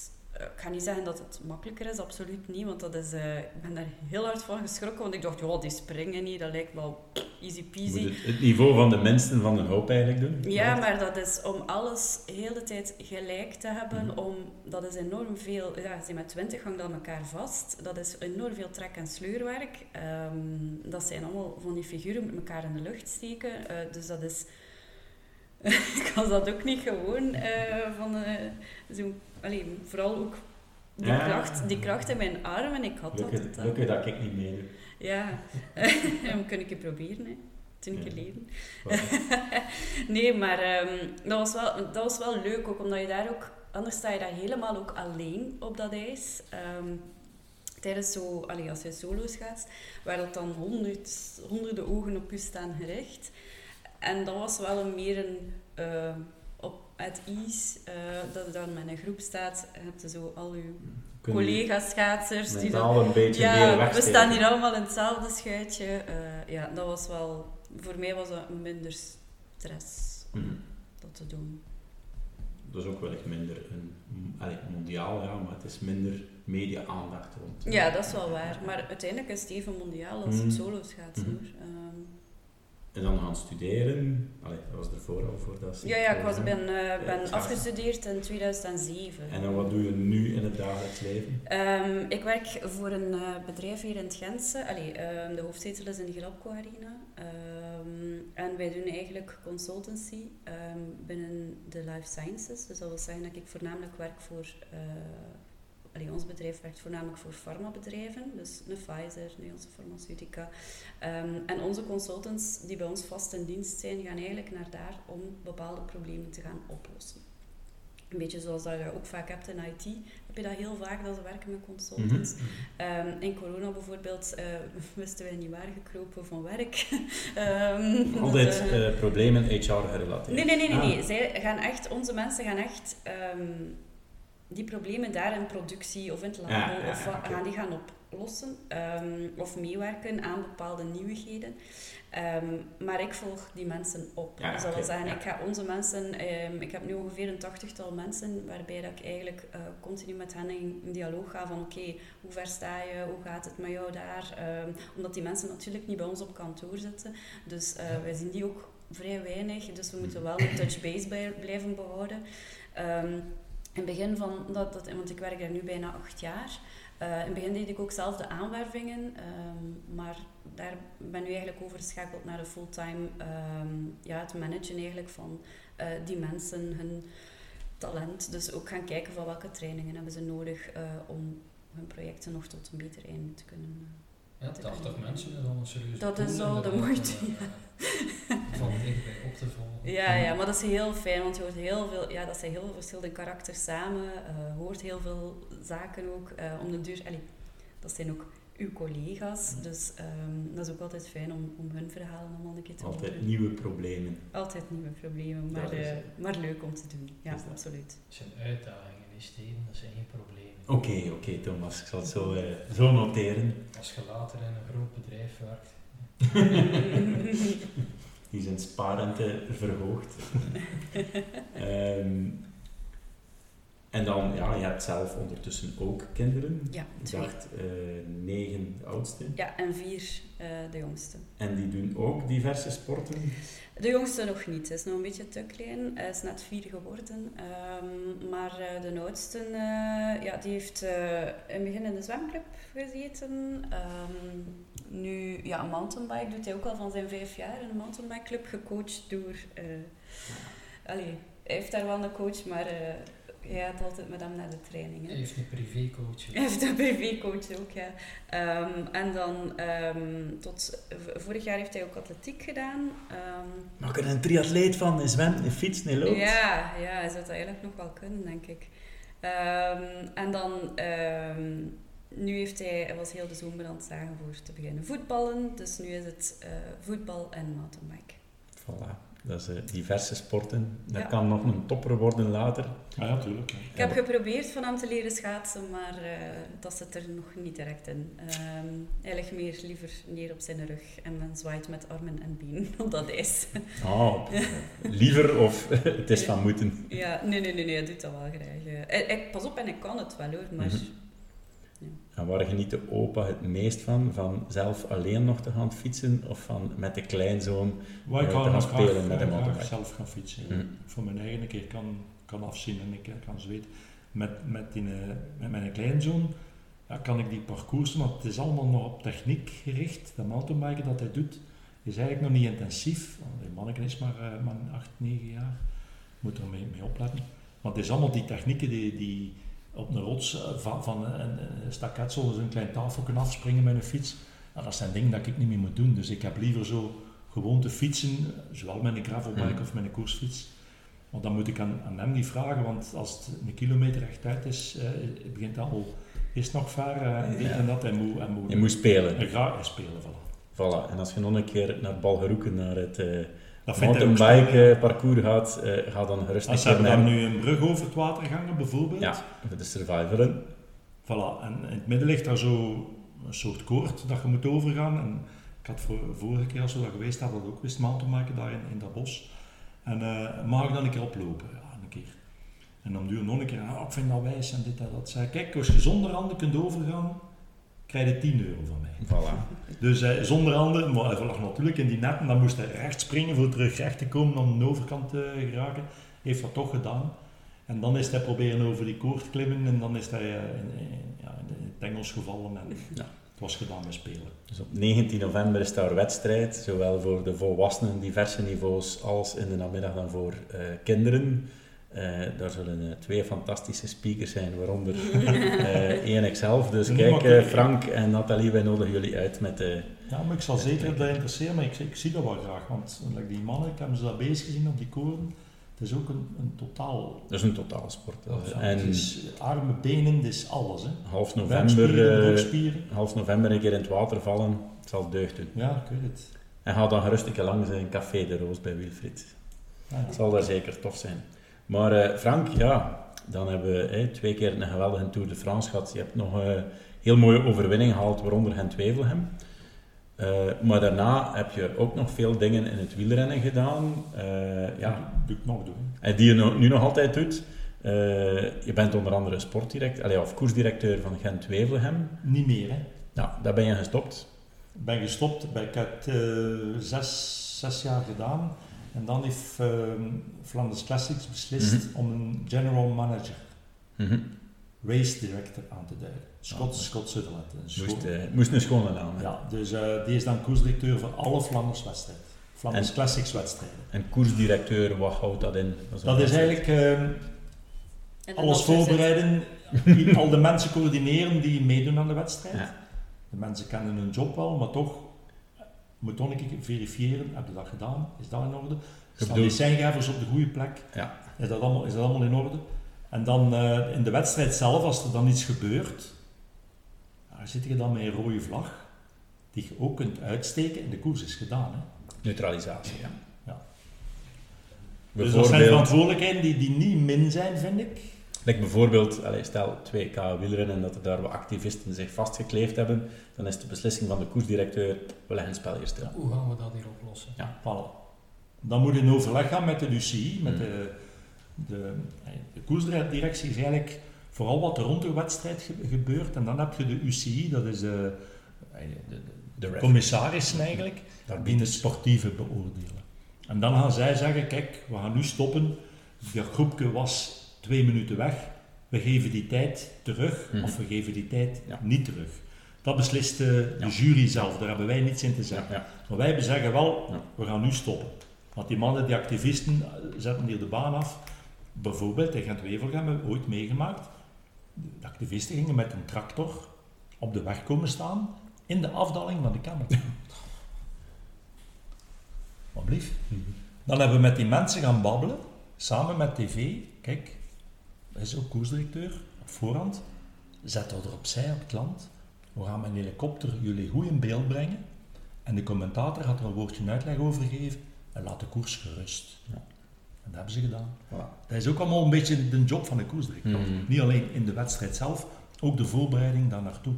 Dus koersdirecteur Gent-Wevelgem een aantal jaar. Dan ben je ook, dat is nu een regulator. Ja. Dat doe je wellicht nog altijd. Dat doe ik nu nog altijd. Ja, daar ben ik eigenlijk door Gent van hem nu, de. Ronde van Vlaanderen, alle Flanders, wedstri- eh, eh, Flanders Classics wedstrijden en de Amsterdam Gold Race. En die regulator, wat houdt dat dan exact dat houdt in? eigenlijk in, dat is ook voor de veiligheid in de wedstrijd, dat de voertuigen, zowel motto's als auto's, niet in de weg rijden van de renners. Mhm. Natuurlijk, achter het peloton, daar kunnen we niet alles coördineren. Een renner die plat valt, die teruggebracht wordt door een, renner, door een, een, een ploegleider achter de notto, die daar gevaarlijke manoeuvres doet. Daar kunnen we niet, dat is de, de, er zit ook nog een jury ook op de motto. Die kan dat ook zien, dat die een renner aan het staren is en die kan hem uit koers pakken of die een sportbestuurder een boete geven. Dat zijn mijn dingen niet. Maar voor mij is voornamelijk, het voornaamste, we zijn met twee, Jurgen Floré en ik, die eigenlijk in de wedstrijd eh, zowel televisie als eh, fotografen op de motto, of commissarissen of neutrale motto met de wielen op van achter, positioneren. Ja. Kijk, is het niet mogelijk dat je nu voor dat groepje zet in plaats van daarachter met uw camera, want dat peloton hangt hier op 25 seconden achter ons, zet er u voor. Mhm. Dat zijn En, dingen die en wij... niet, niet te dicht ervoor. Niet te dicht ervoor, we hebben dan ook tabellen, we zijn daarmee bezig. Hey, zoals de Kouwer heeft mij gezegd dat hij, dat hij naar Lausanne gaat gaan, voordat ik met ehm, Van den Abelen, Peter van den Abelen, die Ja. zit daarin in die commissie. Ex-veldrijder. ja. Ja, die, om dan een keer te bespreken. Maar het probleem is altijd, je zit met die regisseurs, Mhm. die bepalen op dat knopje duwen wat beeld dat hij thuis ziet. Als zijn motto juist aan het filmen is en hij zit tegen die motaar bezig, hè, want wij zitten ook met een kanaal die we kunnen inbabbelen, dat die mannen ons horen. Ze moeten dat bij ons, een Radio Tour noemt dat. Ja. Maar ze zetten dat gewoon dicht. Want ze zitten aan de ene kant met de regisseur. En dat is belangrijk, want dat is hun job. Die betaalt. Voilà.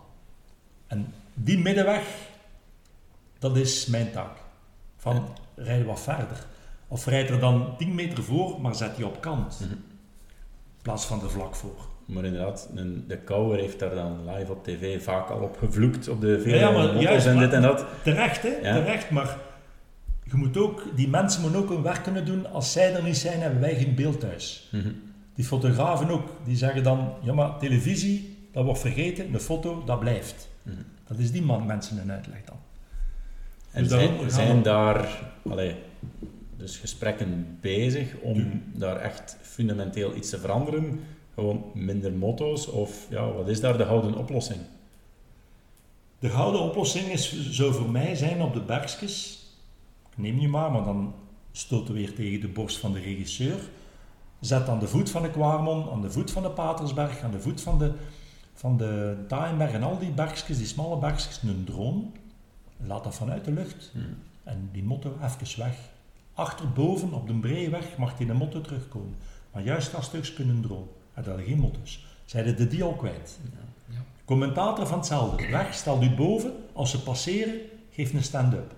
Wie is er daar op kop? Wie is er de tweede? Op hoeveel?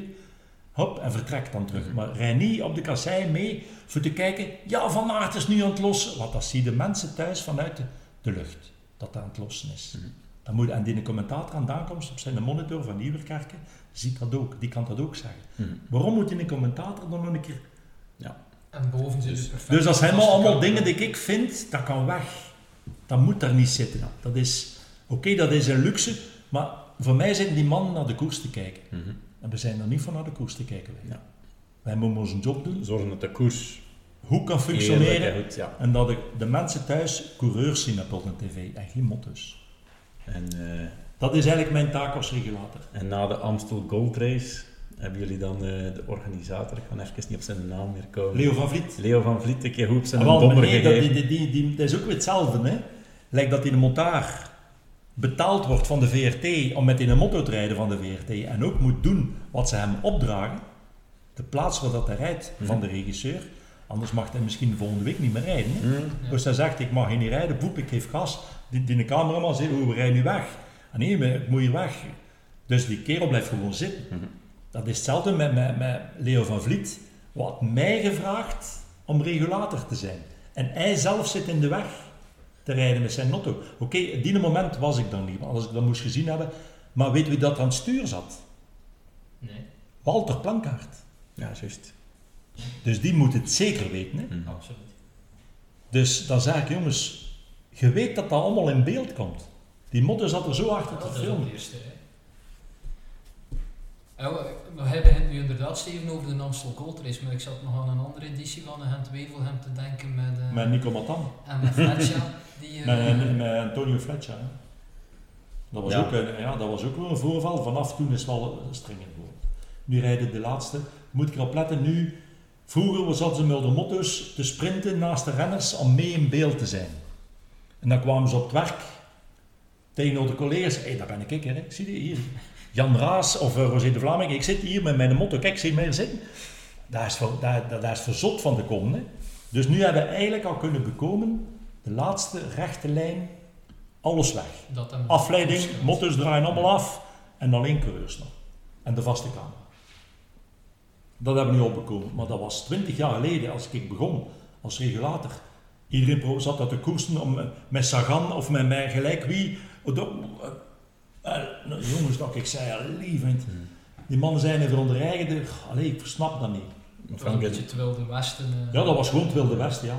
Frank, inderdaad, eh, in het wielrennen is dat een issue, maar allee, er zijn gesprekken gaande en er zullen dan wel maatregelen komen Ja, maar die gaan om, dat- om komen. dat beter te zijn. Maar allee, ik volg bijvoorbeeld de triathlon ook een beetje, daar is dat eigenlijk hetzelfde probleem. Eh, daar zeggen ze, ja, we moeten goed zwemmen, want als we vooraan zitten, zitten er camera's op, zitten we wat meer uit de wind. Eh, en er is onlangs zelfs ergens in Duitsland ook ja, wel een dodelijk ongeval geweest, omdat ja, die motto, ja, ze reden beide richtingen op de weg, hè, heen en terug, hè, dat is soms in triathlon. Ja, er is een, een, motto-knal op een tegenligger geknald en eh, ja, er was een dode bij. Dus, allee, het is niet alleen in het wielrennen, maar dus ook in het Verleden jaar in. Haarlem E3-prijs. Op de Kwaremond. Zijn de eruit. die gevallen Ja, is. ja, ja. Dat is ook zo'n voorval. Mhm. Die jongen die, die, die, dat, die dat gedaan heeft, heb ik toelating gegeven. Jij alleen mocht daar rijden voor een foto te pakken. Al die andere fotografen moeten boven stoppen, afstappen. En dat is de kant een foto trekken. Maar jij mocht alleen een foto trekken. Dus omdat die een kerel perfect dat kan en dat altijd goed gedaan heeft. Dus die rijdt naast een tv-camera. Ja. Die trekt tak, tak, tak, tak foto's en dan is die weg. Wat gebeurt er nu? Dat geregend s'nachts. Het lag daar al modder. Dus die had zich gedaan met werken naast een tv-camera. Die geeft gas en de achterwiel begint weg te gaan op dat modder en hij valt. Daar was juist Van Aert aan het lossen. Ja. En door die valpartijen in Mathieu van der Poel en Pogacar moeten inhouden en is Van Aert weer aangesloten. Ja, klopt. Ja, oké. Dus dat is voor mij dan koersvervalsing. Ah, wel. Resultaat Ronde van Vlaanderen. Geen ene fotograaf nog mag rijden op de oude. Mhm.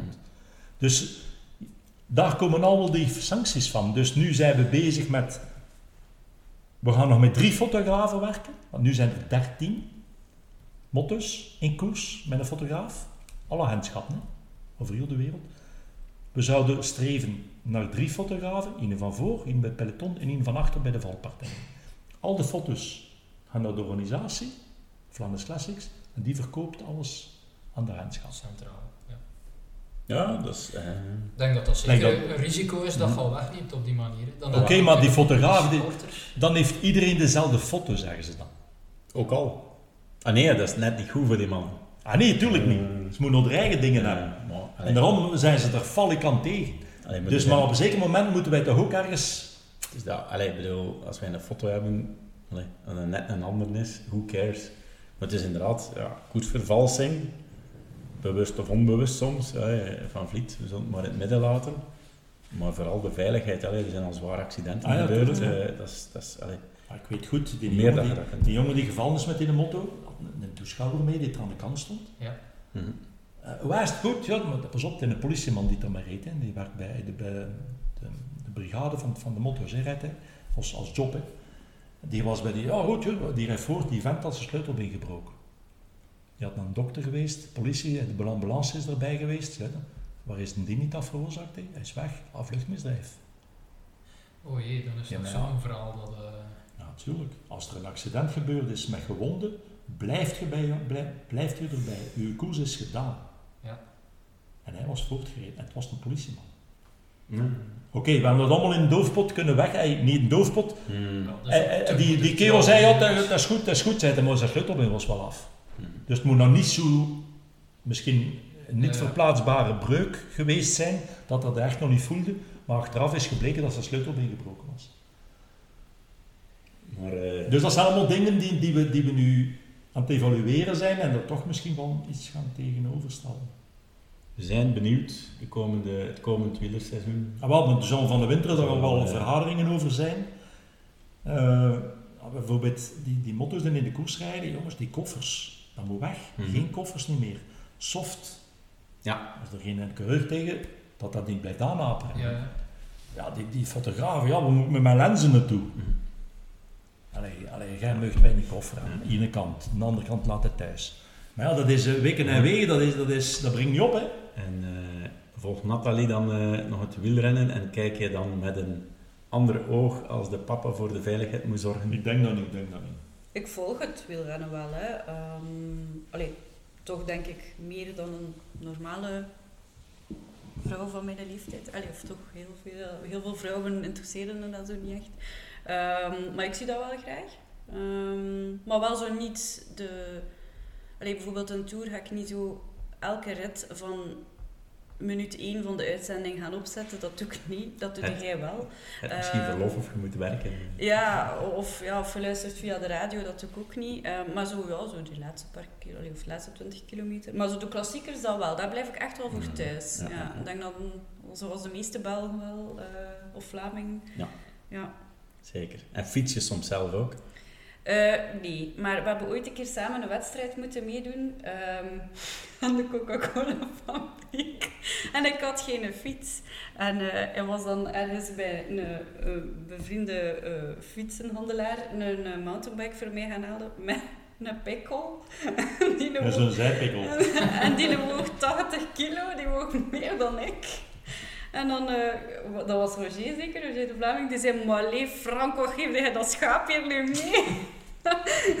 Nee, wij moesten eh, ook eh, vader en zoon of vader en dochter een rondeke rijden en dan moest de dochter een rondeke rijden en zo om te Dat was racen. aflossing, hè. Ik herken het. Want, eh, op de kermis in Sint-Laurijns eind september juist geweest, maar volgend jaar zijn jullie zeker welkom. De koppeltijdrit. Een man en een vrouw. Dat moet niet vader-zoon zijn, dat moet niet een echt koppel zijn, maar een man en een vrouw. Twee rondjes samen, waar in principe de man op kop rijdt. En de laatste ronde moet de vrouw alleen. Dus kijk, volgend jaar september kunnen jullie nog een keer in duo. Ik ga, pa- ga passen.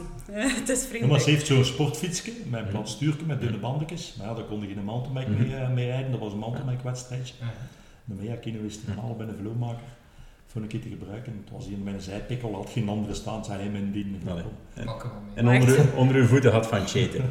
Maar echt, als een zwaar ijzeren geval. Dat was, dat was toen nog bij, bij Cathy. Maar ik eh, zie dat we stilaan redelijk over tijd zijn. Maar ik heb nog één vraag voor Frank.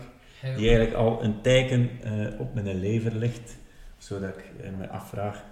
Eddie Merckx, hè, dat is misschien zelfs een jeugdidool van jou, dat wordt aanzien als de grootste wielrenner aller tijden.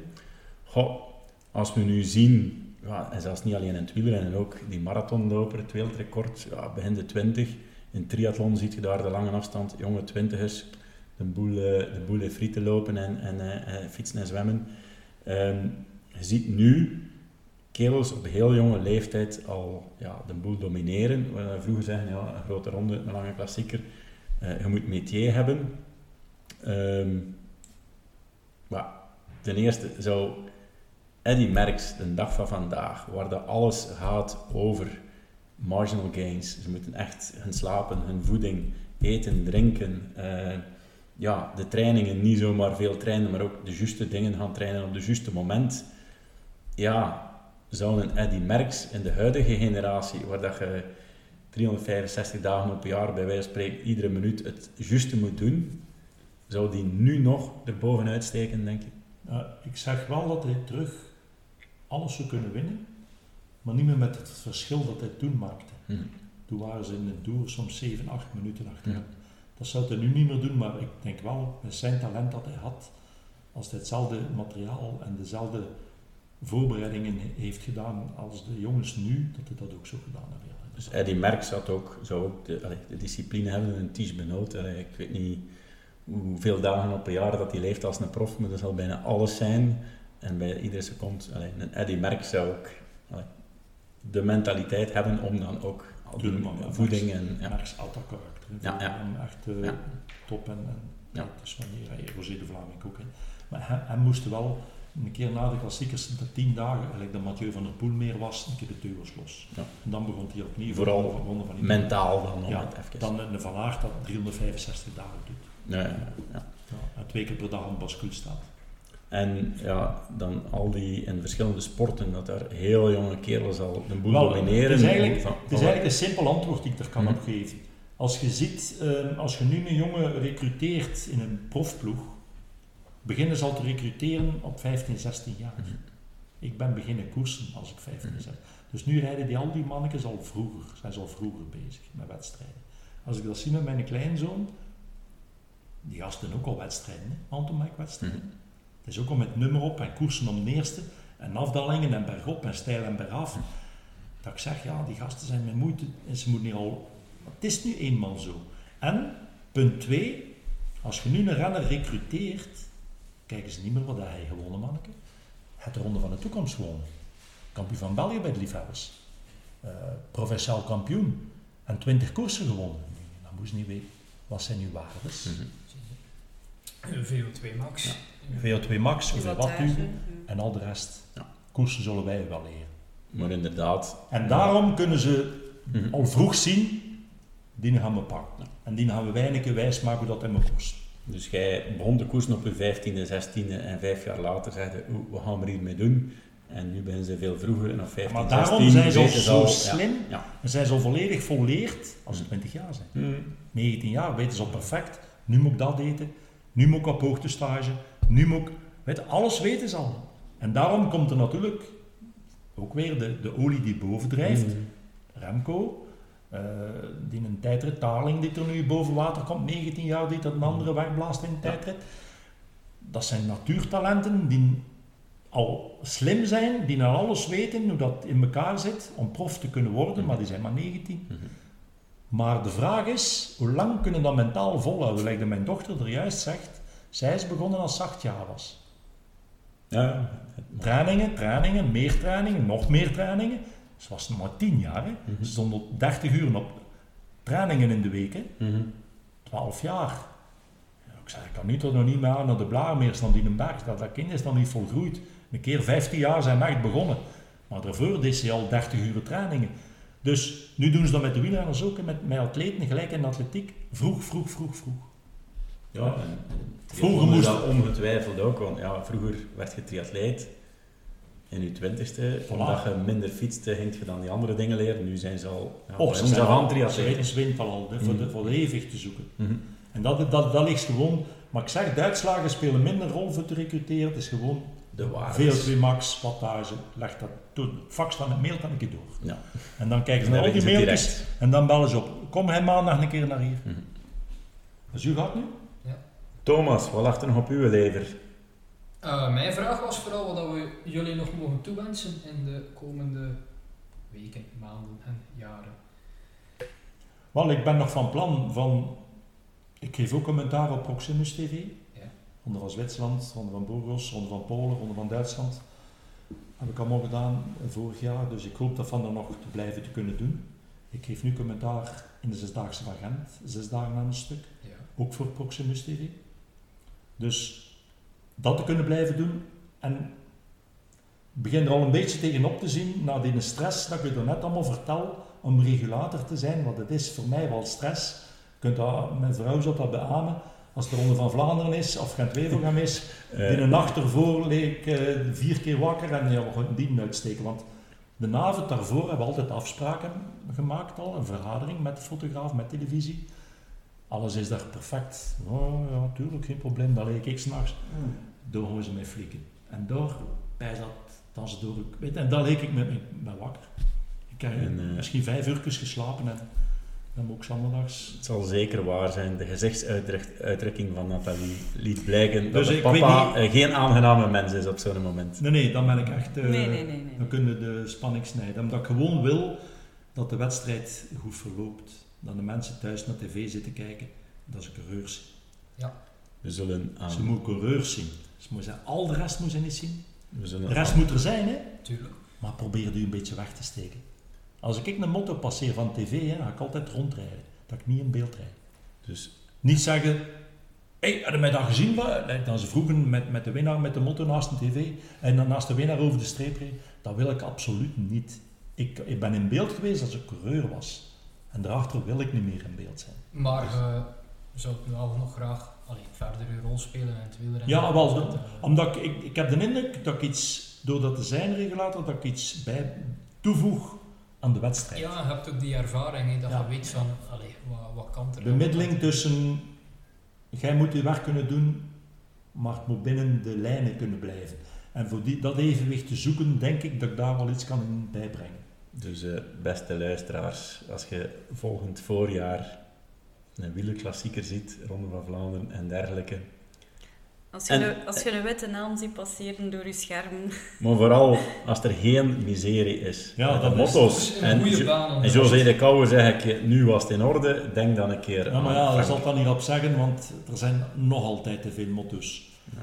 Daar komt Eurosport daarbij en daar komt eh, een journalist erbij die even eh, ook iets wil zeggen, eh, die er ook op de motto zit. Ik zeg nu niet Karel Bertelen voor de radio en Renaat Schotten, nee, nee, extra nog. Hè. Ja. Dan zeg ik, jongens, is het allemaal nodig? Is dat nodig? Je kunt toch commentaar geven op het beeld dat je ziet op de radio. Het is maximum beeldgebracht van start tot finish. Ja. Nathalie, wat mogen we jou nog wensen voor de toekomst? ik denk vooral ehm, een mooie toekomst ook voor mijn kindjes. Eh, dat ze misschien ook iets heel leuk kunnen doen in de sport en eh, ook iets bereiken. Dat ze hier ook een keer kunnen komen zitten. Koersen, Dat gaan we nog zien. Ehm, nu ja, en voor de rest denk ik, ehm, ja, gewoon heel veel plezier in het leven. Ehm, dat is eh, een goede boodschap. Heel belangrijk. En als de zoon ooit in Sint-Laurens komt voetballen, laat het ons weten. Dat ga ik zeker doen. En als je op 19 november met een Survivor Run komt, Ja, kom ik het tot aan de speaker. Ik zal er een keer eh, een goed. interview midden. Goed.